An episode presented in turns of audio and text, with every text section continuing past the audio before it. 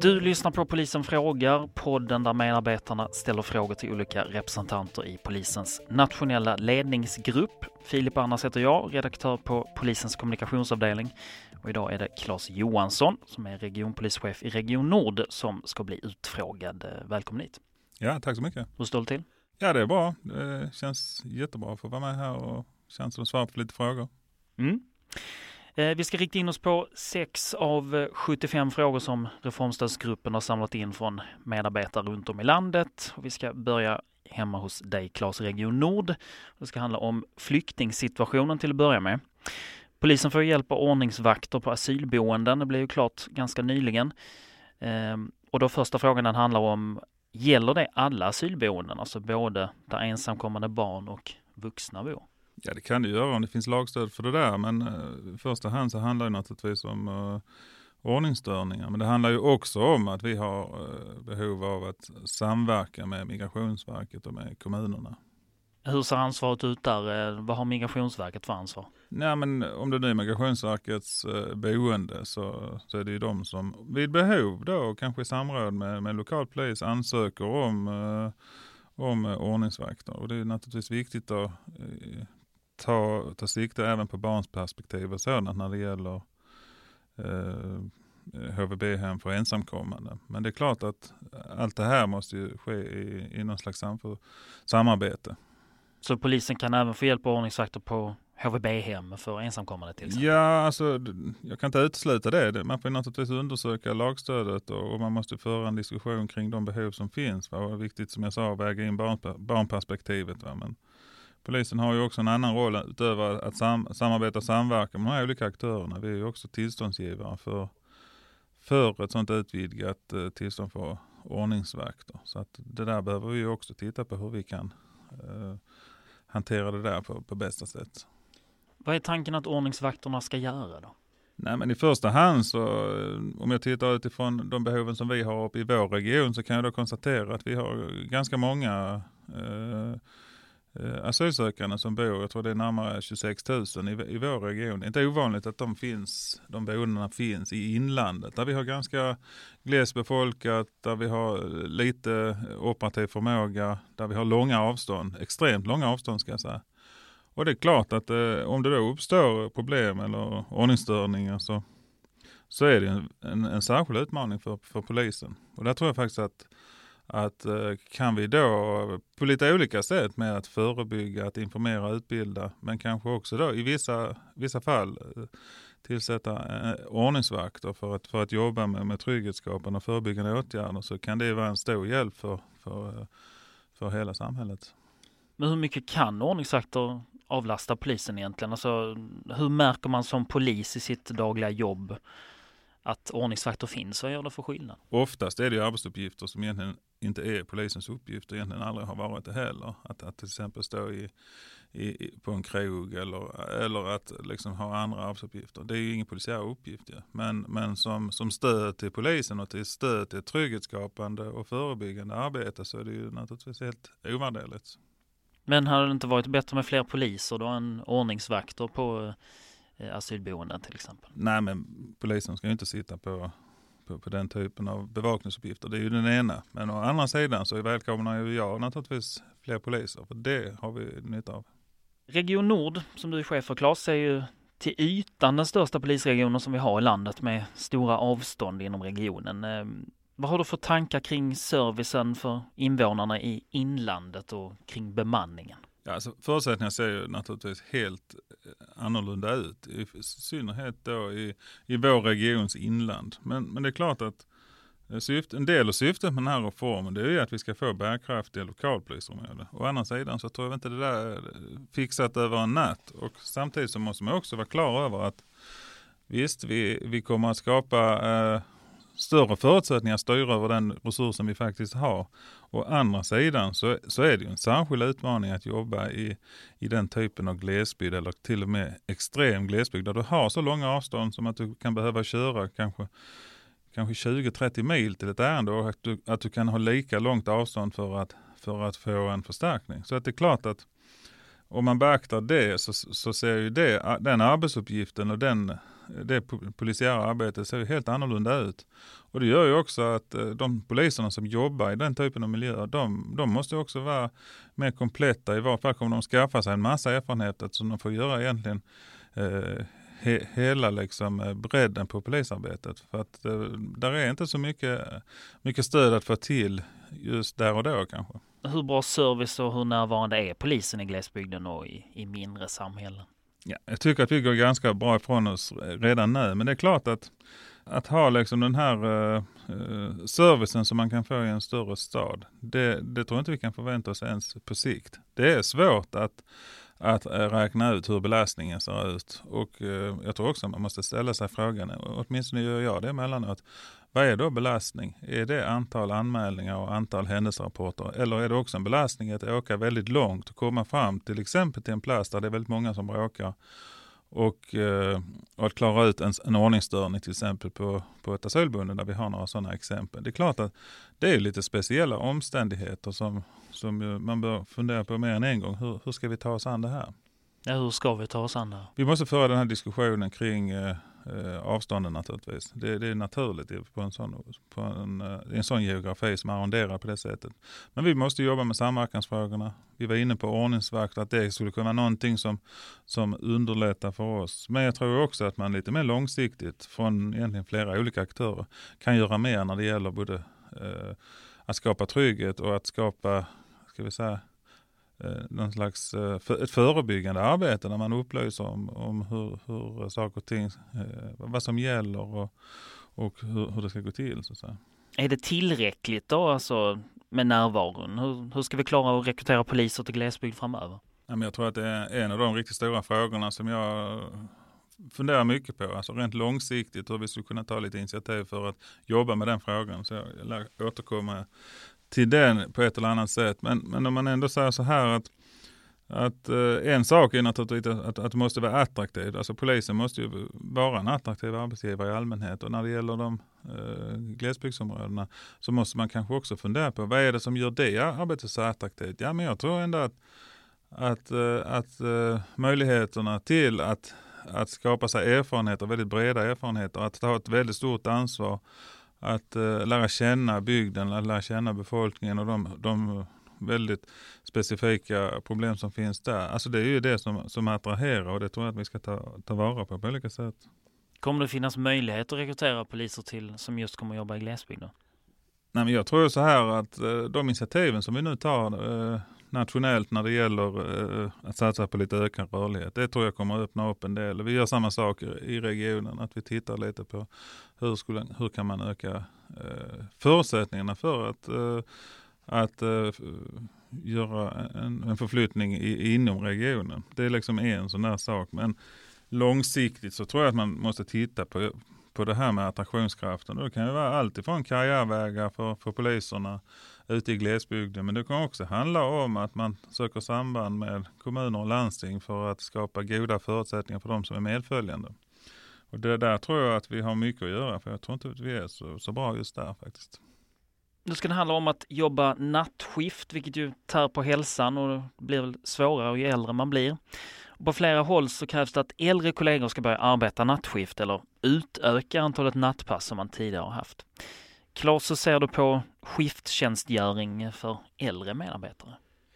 Ja, alltså ålder i sig tycker inte jag ska vara något hinder för att om man vill och kan jobba skift. Va? Däremot så har vi ju alla olika förutsättningar för, för att jobba med det där högt upp i åldern och det ska man naturligtvis ha respekt för. Men jag tycker att man ska titta liksom uh, i lite olika aspekter på det här. Jag tycker att å ena sidan att vi ska vara en god arbetsgivare som tar hänsyn till, till de här förutsättningarna som kan bli om om man är äldre och att man verkligen vill och tycker att man ska skapa förutsättningar för det. Å andra sidan om man känner att det är eh, med ålderns rätt ta emot och tycker också att vi ska på olika sätt skapa förutsättningar för att man ska få andra arbetstider. Hur stora valmöjligheter finns det för att få andra arbetstider? Då? Det finns många goda exempel på att man hanterar de här frågorna tycker jag på ett bra sätt. Tycker vi ska fortsätta med. Har du jobbat nattskift? Jag har jobbat skift i många år. Eh, jag började inom polisen det var snart 35 år sedan. Så att de första 15-16 åren gick jag till att jobba skift. Men det, jag har bara goda erfarenheter av det. Eh, en, en, reflektion som jag gjorde när, när jag funderade på, på de här sakerna, det var att, att sen gå tillbaka till att göra dagtid. Det tyckte jag var en stor utmaning då på den tiden. Att, att man har svårt att komma in i någon slags dagtidsrytm efter så många år i skift. Men det kan jag säga, det är förbi det nu. Mm, men du minns ändå hur slitsamt det är att jobba nattskift. Alltså, hur, hur ska Absolut. man ta vara på medarbetarnas hälsa, liksom, att den inte riskeras? Nej, men jag, jag tror att man har olika förutsättningar på individuell nivå. Jag tror att man ska ta tillvara den forskning som finns. Jag tycker att man ska jobba med de här frågorna, titta lite närmare på vad finns det för, för saker som man kan lära av det här. Att ta, ta hänsyn till de särskilda behov som kan finnas för enskilda. Eh, det kan vara alltifrån att vi behöver ha särskilda listor för, för de som varit med ett tag. Men det kan också vara att man behöver eh, ta hänsyn till enskilda som har en speciell familjesituation som, som kanske vill gå på, på en lite annorlunda lista under en period. Om det är möjligt så tycker jag att man ska titta lite närmare på sådana saker. Hur ska man göra det för att kunna behålla personal inom treskift? Alltså, den här frågan den låter så här. En höjning av lön gör inte att personalen orkar arbeta det tuffa schema som kommit till genom förändringar i arbetstidsavtalet. Personalen på IGV jobbar varannan helg, fredag till söndag, vilket sliter hårt både på personalen och anhöriga till respektive familj eftersom det sociala livet kan bli lidande. Vad säger du om det? Men jag tycker vi ska ta de här frågorna på allvar. Det, det är en berättigad oro och uh, mina tankar när jag hör de där frågorna det är att vi måste liksom jobba med de här frågorna långsiktigt. Vi behöver liksom för det första både attrahera och behålla personal som, som, som jobbar i yttre tjänst och jobbar i, i, i skiftet. Här. Det är ju det är en sån som man, måste jobba med långsiktigt. Men sen tror jag också att man eh, måste stanna upp emellanåt och initiera och ta initiativ till olika arbeten som går ut på att att titta på vårt sätt att planera och hur vi tillämpar våra avtal och hur vi på olika sätt skulle kunna göra det bättre.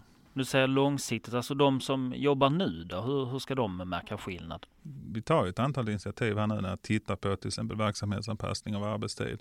Och då har vi hjälp och stöd bland annat av IT-avdelningen som har tittat på eh, förutsättningar för ett planeringsverktyg som skulle kunna till exempel visualisera hur det här eh, närmsta planeringen ser ut och kanske också ge chefer och medarbetare större hjälp och stöd i planeringsarbetet. För jag tror att en av, av nycklarna är ju, är, är ju det naturligtvis. Men sen tror jag nog att många inser ju också att man måste naturligtvis ha rätt resurs och vi måste kunna disponera resursen rätt allt det där. Va? Men jag tror inte vi kan bortse från att eh, planeringsfrågorna är viktiga och och ska jag liksom försöka runda av det här skulle jag ändå säga att jag tror inte man heller kan bortse från att både ersättningsfrågor och villkorsfrågor är saker som är viktiga för, för de flesta som jobbar hos oss och jag tror inte vi ska underskatta de frågorna. Skulle man kunna höja OB-ersättningen och förkorta veckoarbetstiden för skifttjänstgörande? Ja, jag tycker det är viktiga frågor att ta upp och det tycker jag att parterna tar väl om hand och det är långsiktigt arbete naturligtvis. Hur många tidigare polischefer kommer genom omorganisationen kunna frigöras och tillföras verksamheten i det främsta ledet, det vill säga ingripande och utredning? Ja, några exakta siffror har naturligtvis inte jag, men Eh, tittar man på det nationellt så har jag inte heller någon komplett bild. Men jag kan väl ändå säga så här att i de, om, i de regioner där, där man inte har haft någon regional överbyggnad så, så är det inte alls säkert att det blir så mycket som frigörs. Utan då, då har man förmodligen haft en ganska glidande anpassning under, under ganska lång tid. Å andra sidan ska jag säga att beroende på, på, på hur det ser ut lokalt naturligtvis och de behoven som finns. Men man kan ju tänka sig just i de här, eh, Eh, det som då kallas nyläge 2, att eh, beroende på hur många grupper man lyckas eh, få till i förhållande till behovet av chefer så kan det finnas på marginalen i alla fall en, en, en del som frigörs. Jag tror också att man kan frigöra en viss resurs när det gäller arbetet med Eh, RLC och LKC. Å andra sidan så, så, så ser behoven ut att, att liksom behöva komplettera den typen av, av verksamhet. Och, eh, stationsbefäl är, är, ett an, en annan sån här institution som, som man på något sätt också måste uh, bemanna. Men vi har ju exempel från vår region där, där vi till exempel har haft flera eh, grupper som har jobbat i de tidigare myndigheterna som då har varit fyra till antalet. Och nu går vi över till att det där kommer hanteras på ett ställe. Det är klart att det innebär någon form av rationalisering. Eh, om det sen innebär att, att det blir väldigt många, det, det tror jag inte att jag skulle vilja dra den slutsatsen. Utan jag tror att det här kommer att innebära en viss förskjutning men det är inte så att, eh, att jag har någon siffra idag. Avslutningsvis så ska det handla om HR. Den här frågeställaren skriver att flera medarbetare upplever att personer utan polisiär erfarenhet sitter och drar upp riktlinjer för rekrytering till tjänster och att eh, polisiär, det polisiära inte vägs in. Stämmer den bilden, Claes? Nej, men jag tror att HR har en otroligt viktig uppgift i, i, i de här tiderna. Och, eh, å andra sidan så kan man väl då konstatera att när vi är inne i så stora eh, stora block som innebär så mycket rekryteringsarbete och HR-arbete i allmänhet. Det är ju inte normalt sett, eh, oavsett hur stor organisation man har, en, en HR-avdelning är ju inte dimensionerad för att klara det på kort sikt, ett sådant uppdrag. Utan här tror jag nog att vi måste vidta lite speciella åtgärder för att stödja hela det arbetet. Och det har ju också gjorts. Det har tagits flera olika initiativ i den delen. Kan du ge något exempel? Till exempel i vår region så har vi ju ganska tidigt i början på året eh, Eh, tagit beslut om att eh, vi har en särskild grupp som tittar på de här frågorna och på det sättet stödjer rekryteringsfrågorna. Eh, det har också tagit ett, ett nationellt beslut om, om projekt kring bemanningsfrågorna och bemanningen av, av de civila. Som anställd inom HR så har man sina kompetenser. och Det ska naturligtvis kompletteras med, med det arbete som vi som, som jobbar i organisationens andra delar som poliser och med andra erfarenheter.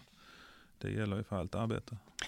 Frågeställaren skriver HR uppfattas som man lägger mer vikt på teoretiska bedömningsmallar och personlighetsdrag än faktiska kunskaper och färdigheter. Är, är det så? Man ska ha respekt för att det uppfattas så. Där tror jag faktiskt att vi har en läxa att göra och förklara och beskriva hur de här rekryteringsprocesserna går till. För att eh, det är ändå så att eh, förtjänst och skicklighet ska råda när vi, när, vi, när vi rekryterar till polisen. Och att till exempel ha tester i rekryteringen, det är ju liksom ett fragment, en pusselbit, en viktig pusselbit i ett rekryteringsarbete. Men det är ju naturligtvis så att man ska ta hänsyn till vad man har gjort innan och det är track records som, som vi alla står för så att säga. Så att det är ju det är en mer samman, sammanhållen bild som måste till innan vi kan fatta beslut om rekrytering. Men har du och dina chefskollegor varit för dåliga att kommunicera vad HR gör egentligen? Nej, men jag tror det där eh, hänger säkert samman med att, att det, det är mycket eh, frågor av den karaktären just nu. Men ni har inte varit för dåliga på att kommunicera det? Då? Det är väldigt mycket som ska kommuniceras och beskrivas. Och jag tror att eh, det är liksom en stor del av ledningsarbetet. Det är ju att vi är duktiga på att eh, förklara var vi står, var vi står just nu. Vad är det som är viktigt? Vad är det som är viktigast just nu? Eh, jag tror att vi har ganska mycket jobb framför oss. Vad tror du nyckeln finns där? Alltså, hur får man till en HR-organisation alltså där medarbetarna har förtroende för liksom, metoder som används i övriga samhället och näringslivet, alltså som man då anpassar till polisen? Nej, men jag tror så här, vi är mitt uppe i, i början på eh, ett stort eh, förändringsarbete. Jag tror faktiskt inte att vi har passerat mitten innan. Vi, vi har otroligt mycket rekryteringsfrågor eh, haft med oss in ända fram till nu faktiskt. Eh, å andra sidan så ganska mycket, ganska många av de direkta cheferna är nu rekryterade på plats i de allra flesta regionerna. En del arbete återstår. Jag tror att Eh, väldigt mycket av det som har varit eh, ansträngt och eh, påfrestande under de, de, senaste månaderna. En del av det där går vi in i slutfasen i. Vi går in i, som det heter, nyläge 2 i vår region. Vi har haft mycket eh, planeringsarbete inför sommaren. Vi har haft mycket planeringsarbete inför införandet av nyläge 2 och av eh, RLC och övergångarna från de fyra LKC-erna. Så det är klart att allt det där har ansträngt och påverkat hela organisationen. Men på något sätt, det är vi ju inne i ett slutskede av och vi kommer att gå in i en ganska tuff sommar. Men då kommer vi å andra sidan inte ha en massa projekt igång.